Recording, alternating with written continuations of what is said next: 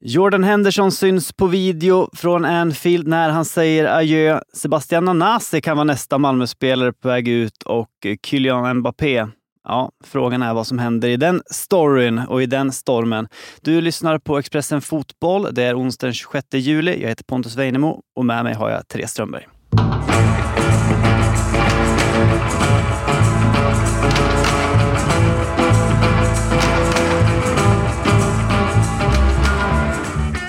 Ja du Therese, det händer saker i fotbollsvärlden. Kanske allra, allra mest i, på den arabiska halvön.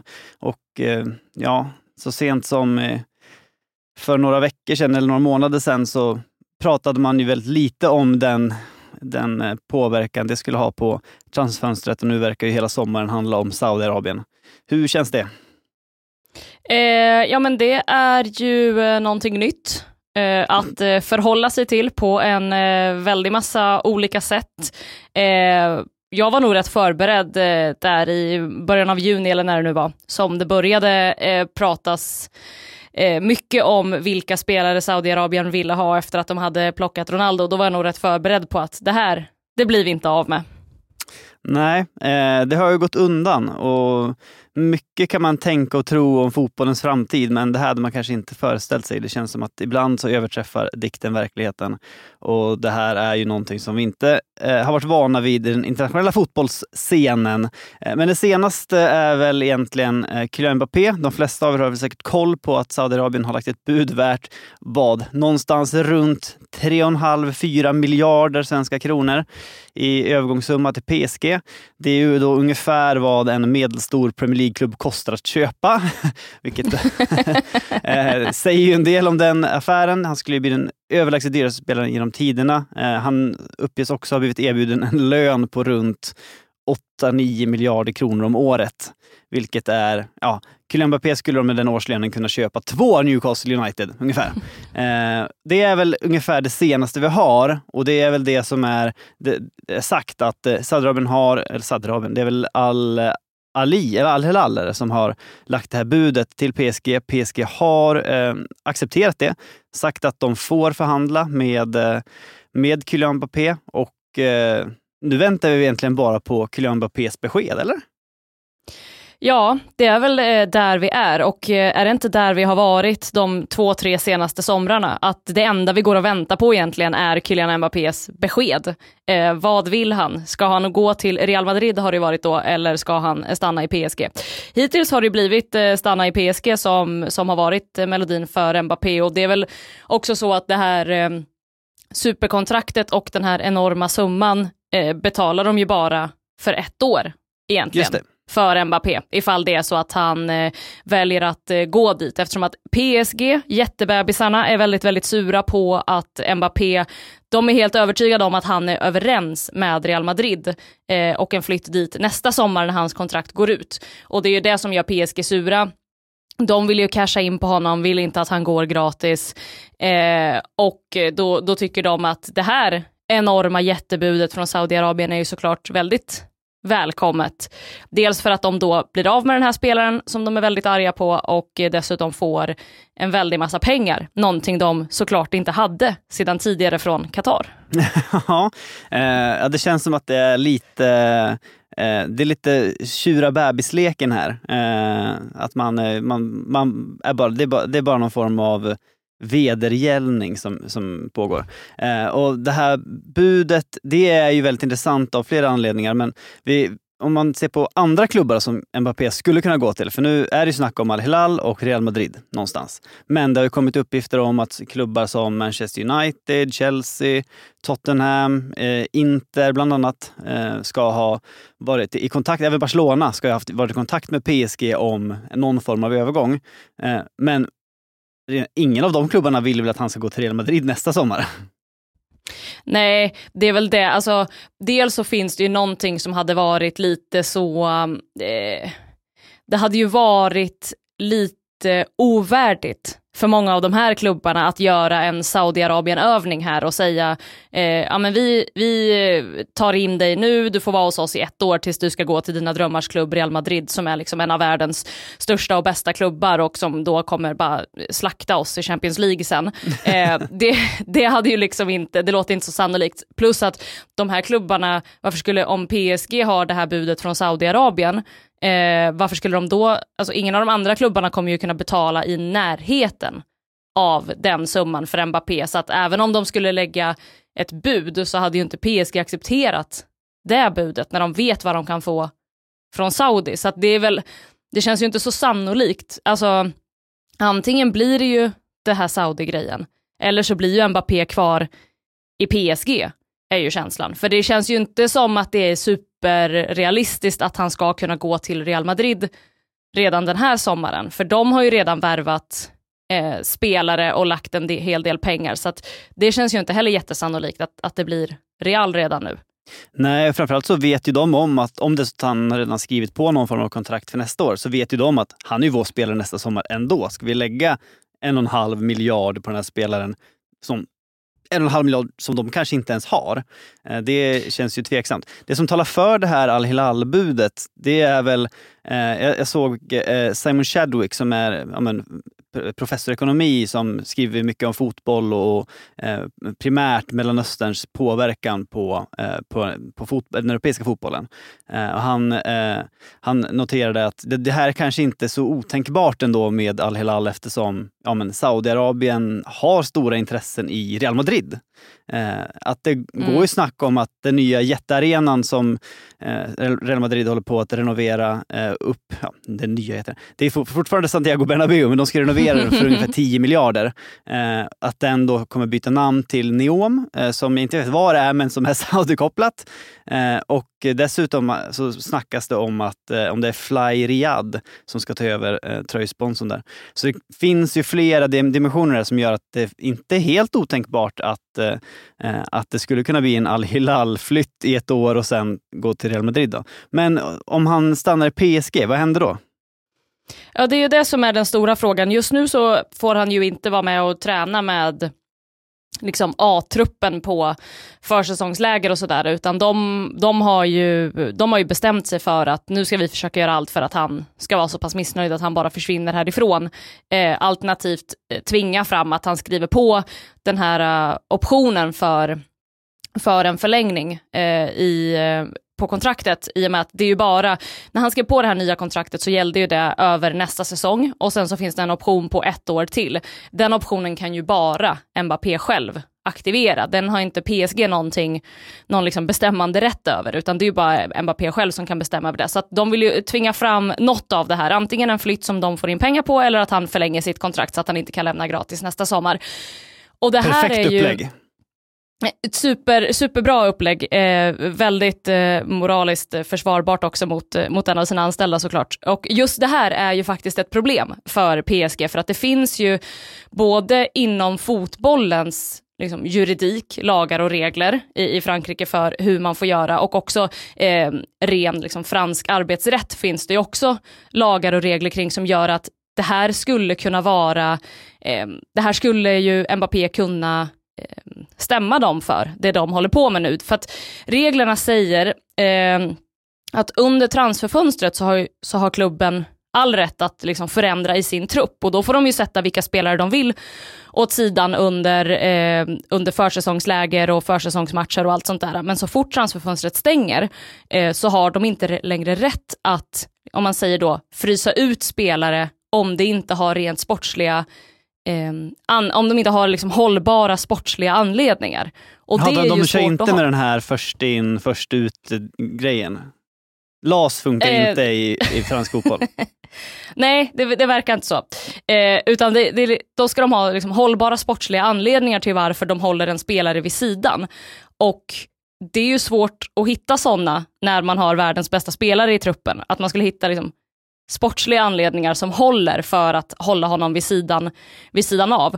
Eh, och det ska också sägas att när de, när de här spelarna är vid sidan av så måste de liksom få, även om de skulle eh, fortsätta, få fortsätta hålla eh, Mbappé vid sidan om, så måste de också ha då måste de här spelarna ha rätt till liksom, samma typ av, om de har ett kontrakt med A-laget så måste de ha rätt till, eller må, måste de tillhandahålla dem samma typer av faciliteter, samma typer av träning, samma eh, liksom, eh, rätt till medicinsk utrustning och personal, till tränare. Det måste vara, även om de inte tränar med A-laget så måste de ge dem motsvarande liksom, vardag i sitt arbete. Så att det finns ju finns ju ett case med, med Rabiot för några år sedan när han inte ville förlänga ett kontrakt och, och PSG höll på och satte honom med reserverna eh, utan, eh, utan liksom sportsligt hållbara anledningar och fick fel och var tvungna att plocka tillbaka honom in i, i A-truppen.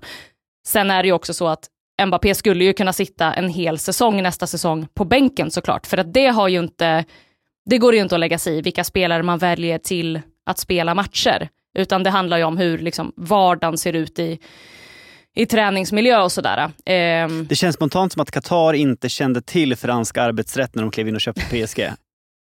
det är högst sannolikt att, eh, att det inte är så, för det finns, eh, det, det finns som sagt ett antal exempel tidigare på när man har försökt liksom, eh, frysa ut spelare och liksom tvinga fram beslut eh, hos en spelare. Det är ju inte liksom, ja, rent juridiskt så får man inte göra så eh, egentligen. Så att eh, det, det, kan ju, det kan ju bli en, en väldigt, liksom, om man inte tyckte att den här soppan var smutsig redan som, som den var, så, så kan den ju bli ännu mer smutsig under hösten här om det är så att Mbappé blir kvar i PSG. Så det, det, är liksom, det är väldigt snårigt i, i, eh, i allt det här och hur de egentligen får behandla honom eh, framöver här. Men det mest troliga just nu känns väl ändå som att Mbappé stannar i PSG och så sitter han och spelar Snake på sin 3310 på bänken hela eh, hösten och våren. Det, åtminstone så är det vad jag vill se. Välkommen till Coolbet där spänningen aldrig tar slut och underhållningen står i centrum. Här får du inte bara Sveriges bästa fotbollsodds, du får också en spel...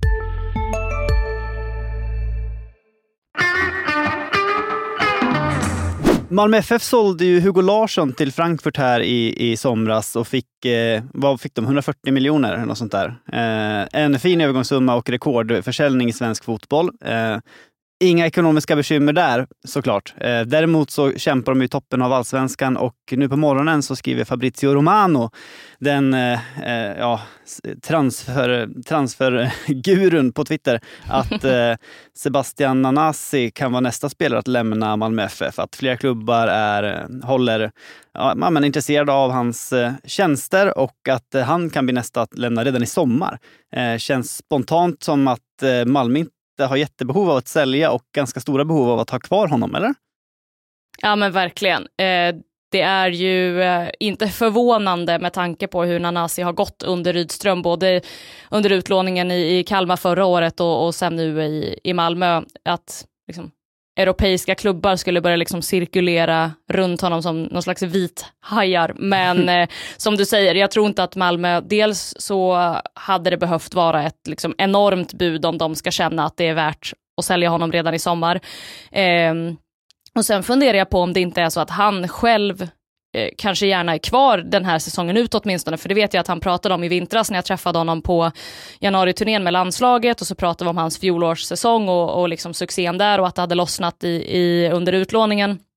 Då pratade han själv om att det var inte så han Liksom, han ville ju inte gå på lån och han ville inte slå igenom någon annanstans än i Malmö FF. Men att eh, nu vart det ändå bra som det blev och sen hoppas jag bara att det kan fortsätta så här under den kommande säsongen. Och då känns det också som att det kanske är en kille som faktiskt vill göra en, en hel säsong eh, med Malmö FF eh, eftersom att det går så väldigt bra för honom. Samtidigt som MFF har ju haft stökiga månader sedan den här säsongen började med, med, spelare som försvunnit som Anders Christiansen med hjärtfel och Stefano Vecchia som är borta en längre tid eh, på grund av någon slags sjukdom. Så att de, de har ju blivit av med spelare som de inte riktigt hade kunnat förutse att de skulle bli av med och på ett sätt som, som har varit ganska problematiskt för dem. Och när man ska, när man ska eh, slåss om, om SM-guld på det sättet som de ska. Eh, de måste ju mer eller mindre vinna SM-guld i år, eh, då behöver de en så bred och så spetsig trupp de bara kan ha och då, jag tror inte att det är så sannolikt att, att de får in den typen av bud på Nanasi som gör att de, att de släpper honom den här sommaren. Romano skriver att eh, samtal om hans framtid eh, kommer att hållas snarast. Liverpool var ju väldigt snabba inne i transferfönstret och plockade in Dominic Soboslaj och Alexis McAllister till sitt mittfält. Eh, det är efter att man ju tappat eh, en fem mittfältare. Inga ordinarie kanske, men ändå. Eh, nu ser man ut att tappa både Henderson och eventuellt även Fabinho. Ehm, samtidigt som det inte har kommit in mer än två nya mittfältare, vilket ju är att man är minus fem mittfältare jämfört med förra säsongen. Ehm, vad är det senaste vi har på den här delen av nordvästra England? Den här delen av nordvästra England, det var väldigt mm. specifikt. Eh, men det senaste är väl att eh, det inte är Fabinhos eh, hundar som gör att han inte eventuellt flyttar till, till Saudiarabien, utan att det är att eh, Liverpool har insett att honom vill vi inte bli av med. För att alla andra tackar ju nej till oss och vi behöver ju ha en sexa. Ja, jo exakt. Eh, det är ju, Henderson fångades ju på film i natt, eller igår kväll, mm. eh, när han då enligt uppgift eh, spelar in sin hejdå-film från Anfield. Eh, en historia som vi kanske återkommer till någon gång. Eh, det finns ju många lager i den. Men, eh, så det verkar ju vara en ganska färdig övergång för ungefär 12 miljoner pund till Steven Gerrards Al Ettifaq. Eh, sjukt att man har lärt sig alla de här klubbarna under sommaren. Säger en del om... de har ändå lyckats med någon form av marknadsföring får man säga. Och Fabinho då, som skulle gå för ungefär 40 miljoner pund. Eh, där har det ju, ja, men verkar det ha bromsats in förhandlingarna, men klubbarna sitter fortfarande i London och, och förhandlar. Samtidigt som Eh, Liverpool då ska vara ute efter Romeo Lavia från eh, Southampton. Eh, tidigare City-spelare som, där City ju har ett, eh, en återköpsklausul som träder i kraft nästa sommar. Där Southampton vet att de får 40 miljoner pund för honom om han går till City. Eh, vilket innebär att de kan ta mer än så. Och Liverpool verkar ju vara eh, minst sagt eh, tveksamma till att betala den där halvmiljarden som som eh, SA-15 vill ha. Eh, så det känns som att det står lite ett vägskäl här, för försvinner typ Fabinho och Henderson, då finns det inte jättemycket inte jättemånga alternativ. Då står de ju där en, med bara Stefan Bajicic som sexa egentligen till säsongen som kommer. Ja, och det, dels det och dels att det är så väldigt mycket av kärnan i det Liverpool som har varit så väldigt bra senaste åren som försvinner. Att det är väldigt mycket, om man säger liksom trygghet som försvinner också, även om man, eh, det, det, blir ju någonstans att även om man gör en bra värvning till den positionen, så, så är det ju fortfarande, ja men i stort sett ett helt nytt mittfält som, eh, som ska in och, och, och, spela den kommande säsongen. Så att eh, det är ju spännande tider, minst sagt, att, att följa Liverpool. Och eh, det är ju bara några veckor kvar nu till, till säsongen börjar, så att det känns ju som en, en enormt viktig position för dem att sätta någon på. Och de har väl i princip varit ute efter varenda sexa som finns i hela Europa, men av, av olika anledningar så når de ju liksom inte ända, fa, ända fram. Det var väl något, någonting med att Sofian Amrabat vill väl hellre till, eh, till United än till Liverpool sägs det väl. Han har ju också jagats av, å sin sida, alla, alla klubbar i hela Europa, men, men fortfarande inte flyttat. Eh, så att eh, det känns som att det här är ju någonting som Liverpool, alldeles oavsett om det blir att de behåller Fabinho eller om det blir att man, man ska värva in någonting, så är ju det någonting som skulle behöva lösas väldigt snart. Ja, det finns ju inte, det finns inte oändligt med sexor på marknaden heller. Eh, en spelare som det snackats en del om är Moises Caicedo som verkar vara bound for Chelsea. Där gick ju Pochettino ut och sa igår att vi ska ha in till mittfältare samtidigt som De Serbi säger i, i Brighton att um, han kommer spela för oss under försäsongen, Caicedo, och eh, om han är kvar så är det jättebra. Och Brighton kräver väl runt ja, men runt 100 miljoner pund för den här spelaren. Och det är ju en eh, ja, det får man väl säga är någon form av spelinflation om något. Ehm, så vi får verkligen se vad som, eh, vad som händer i den frågan. Om vi flyttar oss ett, ett litet steg i den här delen av nordvästra England så kommer vi till Manchester ungefär fem mil österut. Eh, där Kyle Walker, 33 år gammal, ser ut att vara, eller har länge sett ut att vara på väg till eh, Bayern München. där Thomas Tuchel har gått ut och sagt att de gärna vill ha Kyle Walker. samtidigt som Pep Guardiola också gick ut och säger att han, jag har hört vad Thomas Tuchel säger och uh, håller ju med vad han säger, men vi vill jättegärna ha kvar Kyle Walker. Är det värt att, att uh, kämpa så mycket för en 33-årig högerback? Som dessutom är ganska så eh, skandal-king. Eh, ja, så att det är liksom ingen, ingen eh, ingen mönsterelev eh, egentligen som, som vi har att göra med som liksom, två av Europas största klubbar verkar gå någon slags dragkamp om. Eh, jag kan absolut förstå att, eh, att Pep Guardiola verkligen vill ha kvar honom eh, med tanke på hur han liksom har fungerat i hans lag och han pratar om hans liksom, enorma kvaliteter som han inte vet hur han ska ersätta ifall, ifall han försvinner. Så att det kan jag ju förstå mer än att det finns andra klubbar som verkligen, verkligen drar i honom, om jag säger så. Ja, ja det blir spännande att se vad som händer, för det känns som att han ändå har varit på väg bort och att City då nästan mm. skulle vilja byta ut honom mot eh, eh, Pavard från Bayern München, att det skulle bli någon form av byteshandel där. Det blir en spännande eh, uppföljning kommande veckor. Hej, Ulf Kristersson här. På många sätt är det en mörk tid vi lever i. Men nu tar vi ett stort steg för att göra Sverige till en tryggare och säkrare plats. Sverige är nu medlem i Nato. En för alla, alla för en. Vi är specialister på det vi gör, precis som du.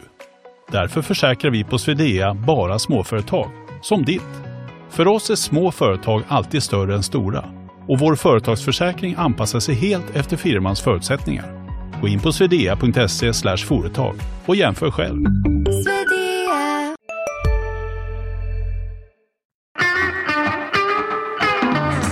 Vi tittar lite norrut också i England, eh, där eh, Newcastle ju gjorde klart med Harvey Barnes här för ungefär 38 miljoner pund tror jag det var. Eh, samtidigt som eh, Alain Saint-Maximin då säljs för runt 40 miljoner pund till något saudiskt lag, vilket vet jag inte.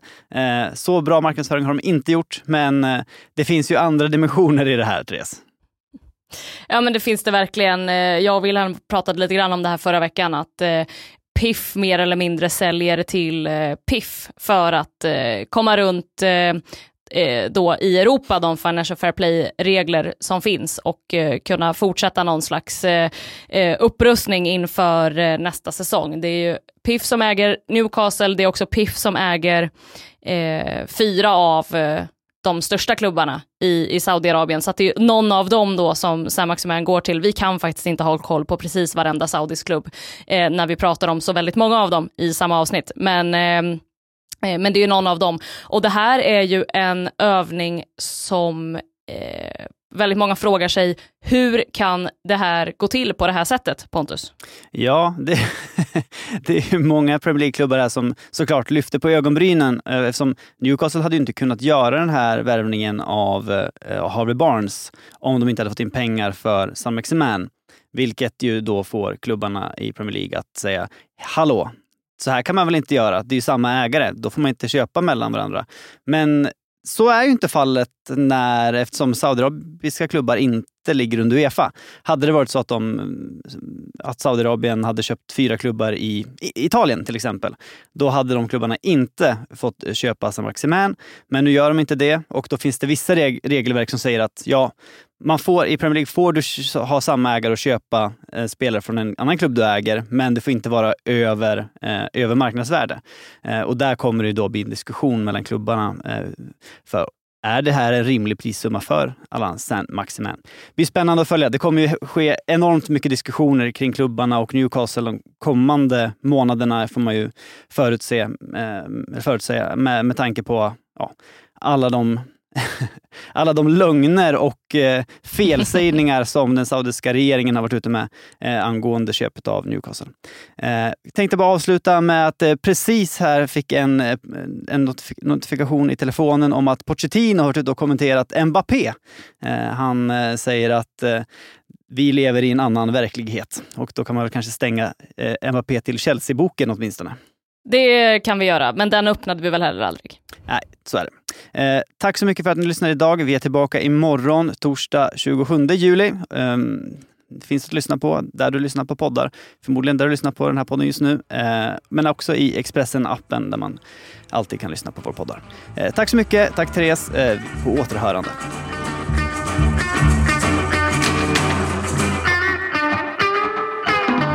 Du har lyssnat på en podcast från Expressen. Ansvarig utgivare är Karin Olsson.